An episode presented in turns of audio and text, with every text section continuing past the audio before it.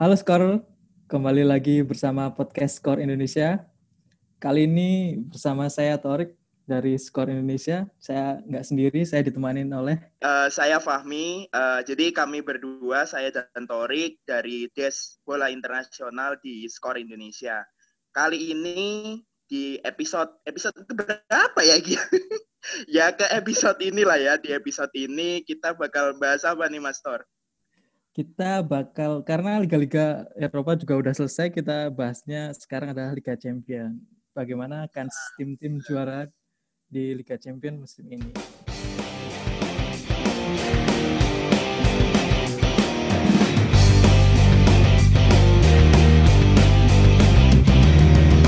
Buat yang belum tahu, tanggal 5 Agustus Liga Champion akan mulai lagi ya. 5 5 Agustus ya, bener ya? Tujuh apa lima? Eh, tujuh apa lima? Lima dong. Kan ini apa namanya babak 16 besar dulu kan? 16 besar. Terus baru ke Nah, bedanya emang karena pandemi virus corona ini ya, jadi babak 8 besar sampai final mainnya single single nggak nggak kandang tandang lagi, jadi mainnya di Portugal. Bedanya nah. cuma hmm. itu gimana Mas Wami menurut Mas Wami apa namanya? Pandemi ini dampak uh, dampaknya buat Liga Champions ini gimana nih? Sebenarnya ini sih apa namanya berpengaruh dan tidak berpengaruh sih. Untuk yang 16 besar mungkin ya agak hmm. sedikit berpengaruh. Karena kan memang uh, beberapa apa namanya pertandingan itu kalau saya ya ngerasa bisa hmm. bisa terbalik nih agregat kalau misalnya uh, beberapa tim yang tertinggal tuh main di kandang kayak gitu. Kecuali Real Madrid ya, Real Madrid kan kalah di di kandang ya. Tapi yeah. Ya. uh, kayak yang lain tuh bisa aja tuh kalau di kandang dan ada penonton itu bisa mengembalikan keadaan. Jadi ingat tahun lalu kayak uh, Liverpool misalnya apa tahun lalu kan itu sebuah apa ya fenomena tersendiri gitu kan dan masih ada keju masih memungkinkan kejutan kayak gitu tuh terjadi. Tapi hmm. karena sekarang nggak ada penonton, jadi mungkin nggak terlalu ngaruh kali ya. Mungkin kayak. Jadi, ya. jadi pengaruhnya malah malah kayak nganu ya mas. Uh, apa namanya uh, kandang tandangnya malah ke keunggulan kandang kandangnya malah hilang ya karena pandemi ini jadi ya. di kandang ada penonton ketika di delapan besar kita main single single game di Portugal gitu jadi malah Benar. kayak keuntungan kandangnya malah hilang karena pandemi ini gitu kayak gitu mas. Benar malah malah kalau saya ngomong ini dalam tanda kutip ya lebih adil hmm. karena kan istilahnya kan ist meskipun pemain bola tuh sering apa ya ya apa sering nyoba banyak lapangan ya tapi kan ini hmm. bukan lapangan kedua tim gitu loh hmm. istilahnya kan even even mereka juga pemanasan di lapangan tersebut hitung hitung hitungannya juga tetap harus adaptasi lagi seperti apa dan kan feel-nya apa main bola kan juga perlu feel kayak gitu gitu kan beda ya jadi, jadi ini kayak, mungkin uh, uh, kayak, kayak makin ini juga sih. fair. Benar dan makin nggak makin unpredictable. Siapa uh, apa apakah yang udah unggul tuh bisa tetap unggul atau apakah yang uh, yang yang yang udah unggul emang ya udah ini yang, apa namanya? yang biasanya menang, bisa, menangan menangan di kandang gitu uh, terus sekarang juga uh, jadi nggak nggak nggak punya keuntungan itu ya. Uh, benar besok benar besok babak delapan besar itu di di sampai final ya diadakan di dua stadion di Lisbon Portugal di Estadio Dalus sama Estadio Jose Alvalade. Itu babak delapan besar sampai babak final. Nah, itu emang jadi kayak uh, kita masuk aja mungkin uh, prediksi ke kans-kans tim-tim ini nanti gimana sih Kak? Karena juga nggak pertandingannya nggak kandang tandang, cuma sekali di Portugal yang yang mereka juga jarang bermain di sana kayak gitu. Nah itu kansnya seperti apa? Mungkin. Nah uh, kalau dari ya kalau dari aku nih ya Mas ya. Jadi kalau kita ngobrolin prediksi nih ya, uh, sebagai wartawan kita kan pasti punya subjektivitas gitu kan kayak uh, sebenarnya tuh aku pingin nih pingin oh. pingin nih apa namanya uh, klub ini pingin jadi tim ini juara juara iya jadi oh. juara nih pingin okay. tapi ada juga hitung-hitungan statistik yang kita apa ya kita oh, apa kita ketahui uh, itu juga bisa jadi ya no. jadi mungkin kita membahasnya soal siapa sih yang akan yang mungkin jadi juara itu kita bahas jadi tiga oh, mas. Jadi dari Mas Torik dan saya uh, yang pertama siapa sih yang emang Mas Torik sama saya pingin oh, jadi okay. juara. Terus nanti yang kedua siapa yang paling possible uh. menurut kita buat jadi hmm. juara uh. secara uh, ya mungkin kita punya pertimbangan-pertimbangan di luar uh. subjektivitas kita. Terus yang ketiga yang paling underdog kayak kayaknya ini nggak bisa juara tapi kalau bisa juara wah oh, banget sih gitu okay, okay. kayak surprise banget sih kalau kalau bisa juara kayak gitu nah, kali ya jadi, asik kali ya kalau jadi yang gitu. pertama uh, kayak pengennya pengennya siapa nih yang juara gitu secara nah benar ya okay. dari Mas Torik terus pinginnya siapa juara kalau aku sih pinginnya sebenarnya ya Atalanta Atalanta. Kok bisa? Kok bisa? Oh, karena uh, harus harus diakui nih, harus diakui setiap orang setiap orang tuh punya kayak punya apa ya? jiwa jiwa untuk mendukung tim underdog ya enggak sih? Oh iya benar sih, benar benar benar. Ya, benar benar. Uh, jadi uh, karena Atalanta ini underdog ya. Tapi di luar itu, di luar dia status underdog, dia tuh salah satu tim paling atraktif mainnya musim ini dengan permainan menyerang dan lain-lain. Dan enggak hanya itu, dia juga punya modal kayak kayak di Serie A musim ini dia kan cetak udah hampir 100 gol tuh. Yeah, Tim lain yeah, tuh yeah, pada yeah. ketinggalan Juventus Inter itu pada 70-an gol gitu.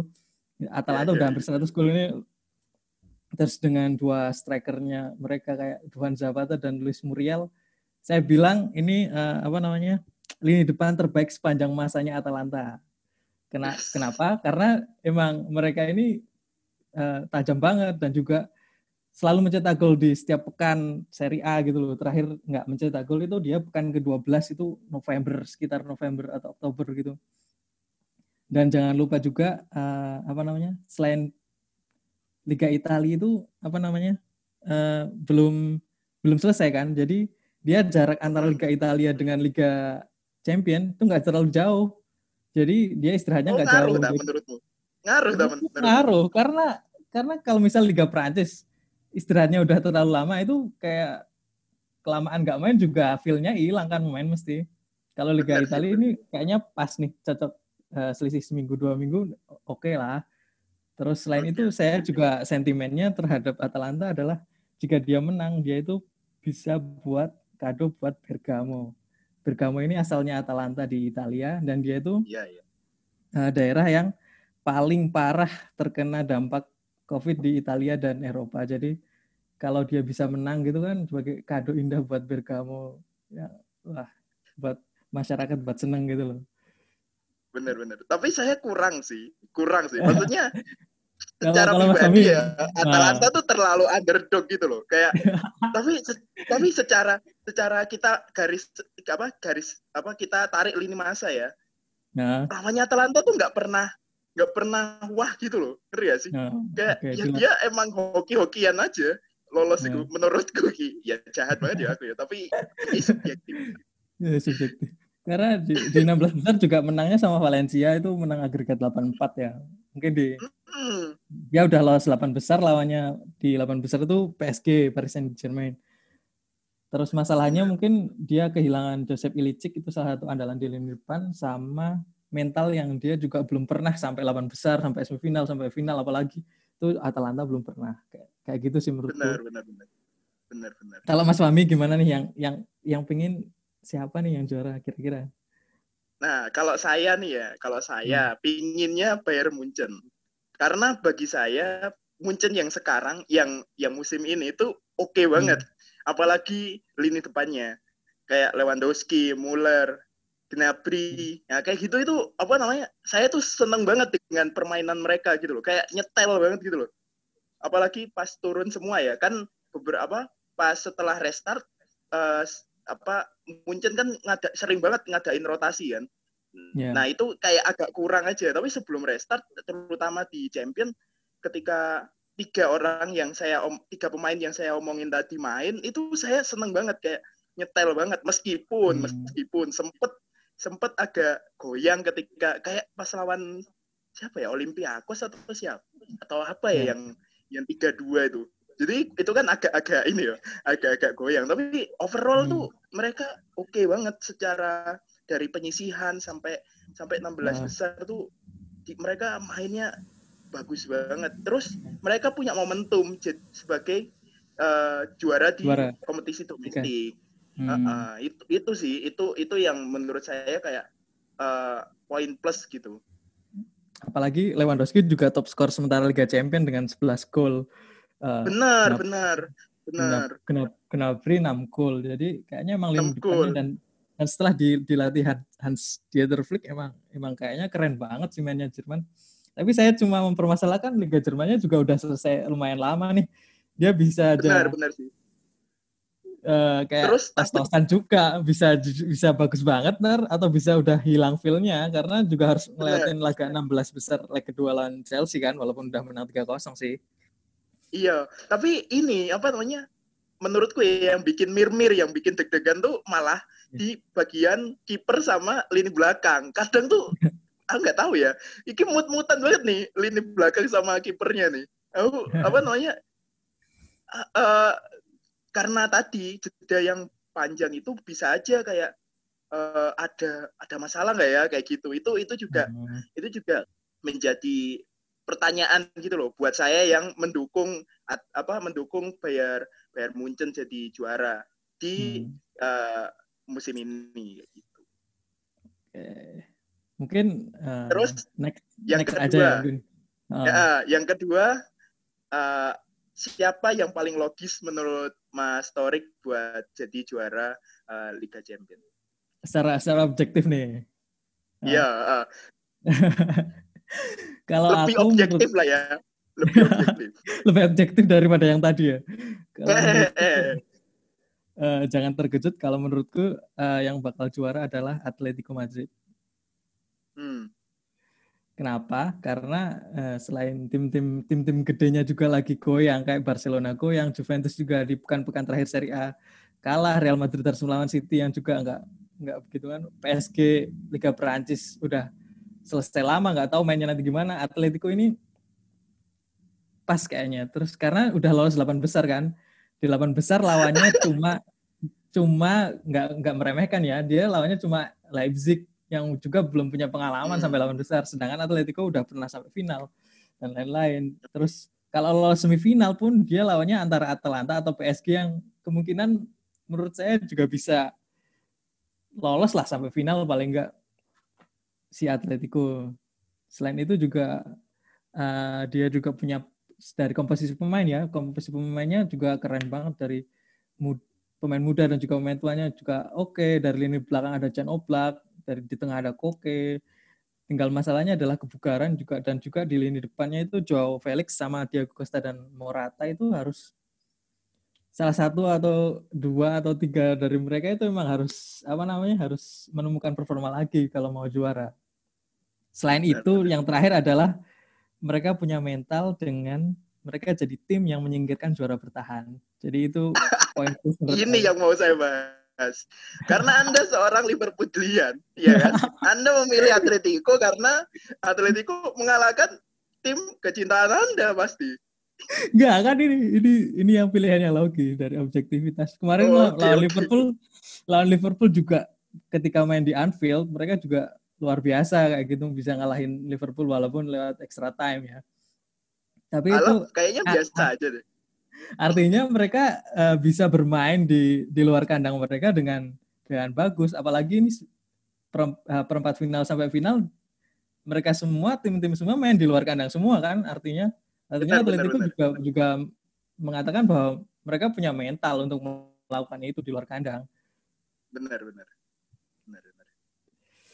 Kalau Mas Fahmi gimana? Siapa yang kira-kira Kalau saya, paling saya logis? Sebenarnya saya setuju dalam satu poin yang nah. paling logis menurut saya yang paling logis tuh uh, yang juara kayaknya nih kayaknya dari Liga Spanyol itu nah. itu kayak nah. apa uh, tiga tiga wakil uh, di di dari Liga Spanyol sekarang itu nggak uh, bisa diremehin gitu loh nah. dengan segala kekurangan dan kelebihannya ya tapi kalau saya hmm. kalau dari kacamata saya yang memungkinkan adalah Real Madrid Real Madrid. Kenapa? Karena pertama semenjak restart, semenjak restart tuh pilihan pilihan si Zidane buat ngotak AT strategi itu makin nggak tahu ya, makin ketemu aja dia resepnya gitu loh. Hmm. Jadi bukan lagi soal bukan lagi soal 11 orang tuh udah dipatenkan si A B C D E gitu. Tapi mereka dia masih bisa buat ngolah ngolah lagi nih 11 pemain yang bakal dia turunin. Itu sih yang paling yang paling jadi apa ya? pertimbangan saya kenapa Real Madrid tuh punya kans yang besar gitu secara secara itu ya, secara kedalaman tim dan juga hmm. uh, apa se sejak restart kan dia juga meskipun tampil uh, naik turun tapi tetap mereka punya mental gitu loh, punya punya mental yang sampai mereka juara uh, Liga Spanyol kayak gitu. Hmm. Apalagi uh, udah apa sebagai sebagai juara Liga Champion paling banyak dan mereka juga apa namanya Real Madrid pasti punya punya mental tersendiri lah main apa sampai ke final kayak gitu. Itu itu hmm. menurut tapi, menurut saya sih. Tapi kan ini ini Real Madrid belum lolos 16 besar loh, masih kalah satu dua dari City loh. Nanti benar, di kandang City apa apa bisa menang kayak gitu? Benar-benar. Tapi menurut menurut saya ya, uh, hmm. karena mainnya di netral kan, meskipun City memang uh, City kan ditinggal Aguero ya, tapi Aguero kan memang hmm. bukan kekuatan kekuatan utama City menurut saya ya kalau di hmm. di Liga Champion karena secara statistik yang ngegolin paling banyak kan Jesus kan Gabriel Jesus sama yeah. si uh, Sterling kayak gitu. Sterling. Uh, hmm. Tapi menurut menurut saya tuh Real Madrid tetap tetap masih punya kans punya kans ketika main di netral kayak gitu. Kan ini hmm. mainnya nggak di nggak di Etihad kan dan kalau apa dan nggak ada penonton gitu loh. Itu menurut saya uh, apa namanya sebuah sebuah keuntungan bagi bagi Madrid meski, meskipun saya berharap main, adanya main, mainnya, uh, main, mainnya tetap di Etihad, yang 16 besar tetap di Etihad. Oh iya, uh, iya benar benar benar. Nanti sorry, mulai sorry, 8 besar baru baru di Portugal. Benar, tapi benar, benar. Kalau, tapi tetap tanpa penonton. Jadi tanpa kayak, iya maksudnya tan, tan, tanpa tanpa penonton gitu. Jadi tetap kayak, uh, kayak tetap netral juga sih. Benar benar benar. Kayak kayak tempat netral. Terus yang kedua adalah uh, saya ngerasa kalau ada apa ambisi pribadi Zidane sama Pep sih itu itu oh. yang itu yang itu yang apa namanya yang menarik sih dan saya kalau di kalau saat ini saya megang uh, Real Madrid dan Zidane kayak gitu.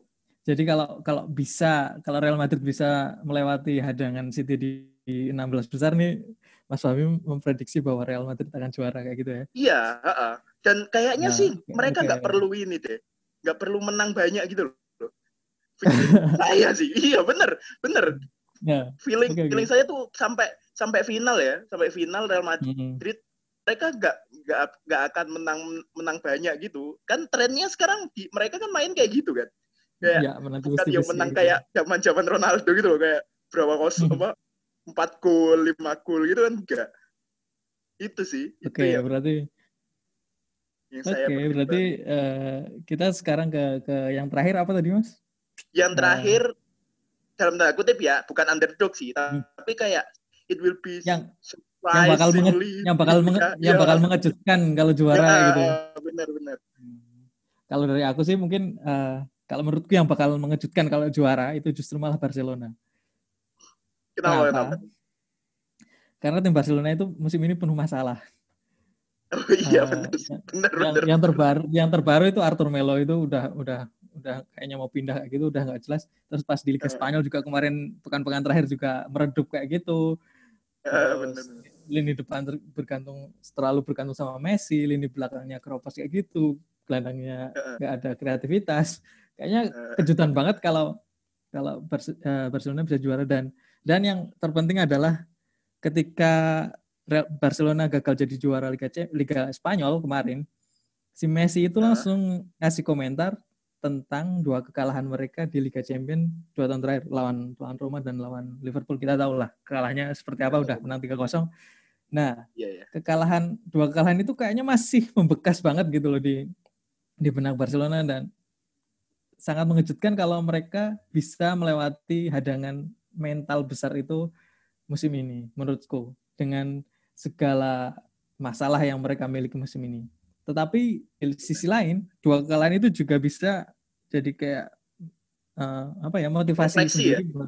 Uh, yeah, yeah. Itu tergantung ini selama jeda setelah Liga Spanyol selesai sampai Liga Champions mulai lagi ini bisa nggak mereka melewati hadangan Napoli di 16 besar terus sampai final sampai juara itu menurut saya bakal mengejutkan kalau Barcelona bisa jadi juara. Benar, kalau benar. Mas kalau Mas Fahmi gimana? Kalau dari saya tuh bakal mengejutkan kalau PSG men, uh, juara. Hmm. Tapi PSG. pertimbangan saya cuma satu sih, karena PSG Kenapa? kehilangan Mbappe. sebenarnya oh. itu tok sebenarnya. Uh, kenapa? Bape, karena Mbappe itu Mbappe cedera ya? banget. Iya, uh, kan Mbappe cedera kan di hmm. laga laga yang menurut saya ya ya harusnya Mbappe diistirahatin sih. Kayaknya saya menurut saya Tapi tuh kan, apa namanya? Mbappe cedera pada laga final ya, final Piala Prancis kalau nggak salah. Iya, final final final Piala Prancis ya, uh, benar. Hmm. Nah, apa namanya? Harusnya kan menurut saya ya uh, hmm. si apa pelatihnya tuh harus harusnya sih nggak usah mainin dulu sih. Maksudnya menjaga kebugaran Mbappe aja gitu menurut menurut saya gitu. Karena oh. lawannya juga lawannya juga nggak bukan bukan yang menurut saya juga bukan apa ya bukan yang sub yang kuat-kuat banget lah kayak gitu oh. gitu kan. Tapi uh, tapi di sisi lain gini mas, apa namanya Liga Prancis kan udah dihentikan lama tuh. Udah iya, benar. ketika terus PSG nggak punya partai kompetitif. Nah, partai kompetitif mereka sebelum Liga Champions itu cuma dua di final Piala Prancis dan final Piala Liga Prancis. Nah, Mbappe kalau nggak diturunin, dia feel ketika tandingnya hilang dong. Dan itu juga iya keputusan iya yang berat sih pasti. Iya sih, ya memang memang itu itu itu debatable ya. Terlebih juga hmm. pelanggarannya kan ya menurut saya kurang ajar aja emang si siapa namanya? Aduh, siapa Louis Perin ya? Eh siapa sih? Nah, Perin kalau nggak salah. Ya, kan? Perin nah. ya kalau nggak salah. Ya itu apa namanya? Uh, itu itu juga ya debatable ya kurang ajar. Hmm. Tapi beneran deh tanpa Mbappe terutama uh, pas apa namanya pas main di di delapan apa delapan besar ya? Ya. Delapan besar uh, itu kehilangan banget sih bagi uh, bagi saya kayak gitu. Jadi tinggal padahal padahal hmm? uh, padahal jalannya PSG itu menurut saya salah satu yang paling lancar. Ya. Lawannya ya, Atalanta, ya kan? Hmm. Lawannya Atalanta.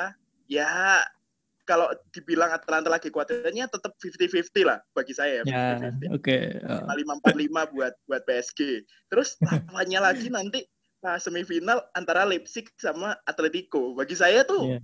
bukan apa ya, maksudnya masih setara gitu loh. Jika jika PSG masih diperkuat Mbappe. Jadi hmm. kalau misalnya uh, Mbappe kan mungkin mungkin ya, saya nggak tahu sih apakah Mbappe bisa main di semifinal atau final uh, karena belum belum jelas juga uh, seberapa lama pemulihannya. Tapi kalau misalnya Mbappe bisa lol apa misalnya PSG lolos nih ke semifinal dan Mbappe hmm. kembali, mungkin kansnya akan lebih besar lagi kayak gitu. Tapi kalau misalnya tanpa Mbappe di apa hingga final gitu itu nggak tahu sih saya saya masih merasa Neymar CS itu nggak cukup sih karena Mbappe nggak tahu yeah, makin yeah, gitu. makin musim makin mateng gitu loh iya nggak sih tapi itu juga sih kayak yang yang saya bilang apa namanya Liga Prancis sudah sudah selesai lama itu yang buat PSG dan Lyon nah benar itu, itu juga bakal sulit bakal sulit. Iya, itu Lyon juga. kayaknya yang yang yang udah menang 1-0 di leg pertama 16 besar juga bakal kalah sama Juventus. Walaupun Juventus menurut saya dan kayaknya menurut suami juga kayaknya bakal sulit untuk untuk juara. Begitu benar, juga dengan Napoli. Juventus tuh gak, gak tahu sih kayak gak, udah gak ada bayangan ya Allah. Kemarin kalah sama Cagliari itu mainnya. Ya, jadi kayaknya emang Juventus uh, Juventus juga Napoli ini kayaknya sulit dan terakhir juga Chelsea yang udah kalah 3-0 di leg pertama lawan Bayern iya. juga kayaknya sulit ya. Kayaknya mm -mm. kayaknya itu aja Mas. Kayaknya udah semua kan. Kayaknya yang paling ya, berpeluang emang emang tim-tim itu aja sih menurut tim, tim itu sih enam enam tim yang kita sebutin tadi ya. ya terlepas dari itu apa namanya uh, scorer pasti punya pertimbangan lain lah uh, soal hmm. mungkin kecintaan terhadap satu tim gitu kan tapi ya. ini dari kami uh, ya enam tim itu yang berpeluang kayak gitu meskipun yang lah, yang pingin, yang paling berpeluang saya yang paling berpeluang bukan menutup kemungkinan yang lain juga masih punya peluang benar benar benar benar nah. Mungkin itu dulu dari kami berdua di podcast kali ini. Jangan lupa di like, terus di share. Oke, okay, scorer. Terima kasih udah dengerin uh, analisis halu-halu kami berdua. ya kayak gini apa namanya kita berharap sih apa namanya Liga Champions akan jadi uh, kompetisi yang kompetitif dan menghibur buat uh, buat pecinta sepak bola di seluruh dunia kayak gitu. Jadi sampai jumpa di episode podcast selanjutnya dari Skor Indonesia.